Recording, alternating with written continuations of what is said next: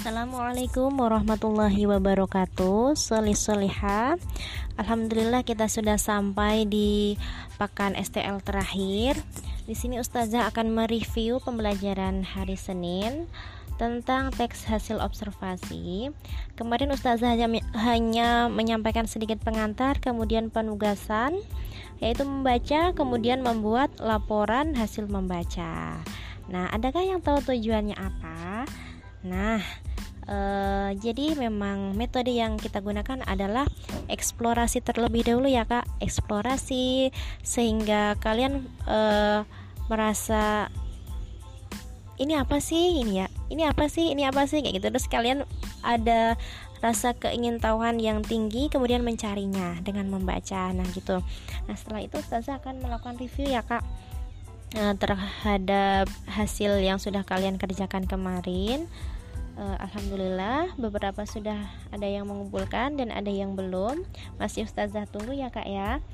Nah ini kak. Terkait teks hasil observasi kegiatan yang sudah kalian lakukan kemarin yaitu membaca merupakan salah satu kegiatan pengamatan terhadap buku pengetahuan pengamatan atau observasi Kemudian dari hasil membaca itu, hasil pengamatan terhadap buku pengetahuan itu kalian tuangkan dalam bentuk tulisan yang e, berupa laporan membaca. Nah, laporan membaca kalian itulah yang bisa disebut sebagai laporan hasil observasi. Gitu ya, Kak.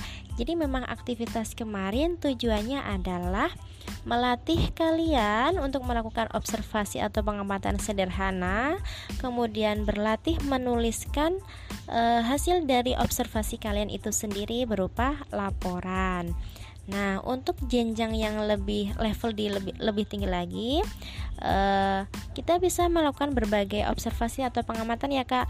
Misal kita ke museum, kita ke pantai, uh, kita melakukan observasi, misal terhadap suatu uh, benda sejarah, ke candi gitu boleh. Nah, itu bisa juga dilaporkan dalam bentuk laporan hasil observasi. E, kemarin juga Ustazah sampaikan ya kak empat panduan dalam empat panduan berupa pertanyaan dalam membuat teks laporan hasil observasi. Nah, di situ e, sebenarnya bertujuan untuk mengarahkan kalian ke struktur teks hasil observasi itu sendiri. Karena struktur teks hasil observasi ini ada tiga. Yang pertama definisi, definisi umum, isinya adalah pengertian-pengertian. Makanya kemarin Ustazah di soal pertama itu Ustazah tanya ya, apa yang dimaksud dengan gitu ya jelaskan apa yang dimaksud dengan nah itu kan untuk e, menggali pengertian-pengertian yang bisa kalian letakkan di paragraf pertama dan itulah yang disebut sebagai definisi umum atau gambaran umum. Nah yang paragraf kedua tiga empat mungkin e, pokoknya di paragraf yang tengah itu adalah struktur deskripsi bagian. Di situ lebih ke sesuatu yang sifatnya detail. Entah itu pengelompokan entah itu ciri-ciri e, entah itu apa struktur dari suatu bangunan. Misalnya kalian mengamati artinya bangunan rumah ya. Struktur dari suatu bangunan gitu pokoknya yang detail. E, yang bagian-bagiannya namanya aja bagian ya kak. Deskripsi bagian. Pasti lebih e, khusus daripada pengertian umumnya. Nah yang ketiga adalah simpulan yang isinya ringkasan. Biasanya kalian bisa menambahkan manfaat dari apa yang kalian uh, kalian bisa menambahkan manfaat dari apa yang kalian amati atau kalian bisa memberikan kesan suka atau tidak suka terhadap apa yang kalian amati. Nah, itu masuk dalam uh, struktur simpulan.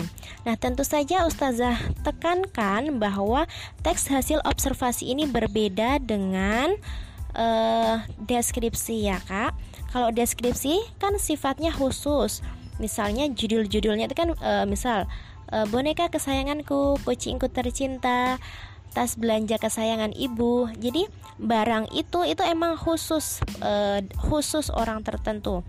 Misalnya uh, deskripsi pantai ya uh, kesejukan pantai di Gunung Kidul gitu. Kita kan juga khusus ya. Oh, yang memiliki ciri kayak gini ya cuman pantai di Gunung Kidul kayak gitu ya, Kak.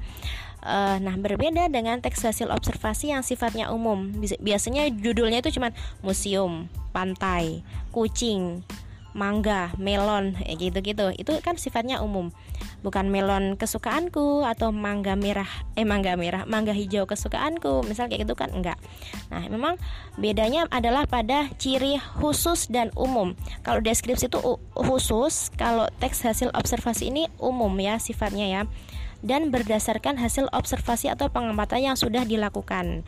Nah, eh, tentu eh, dari kita belajar teks hasil observasi ini akan menjadi bekal kita untuk di jenjang selanjutnya ya entah nanti di semester 2, kelas 8 maupun kelas 9 pelajaran bahasa Indonesia.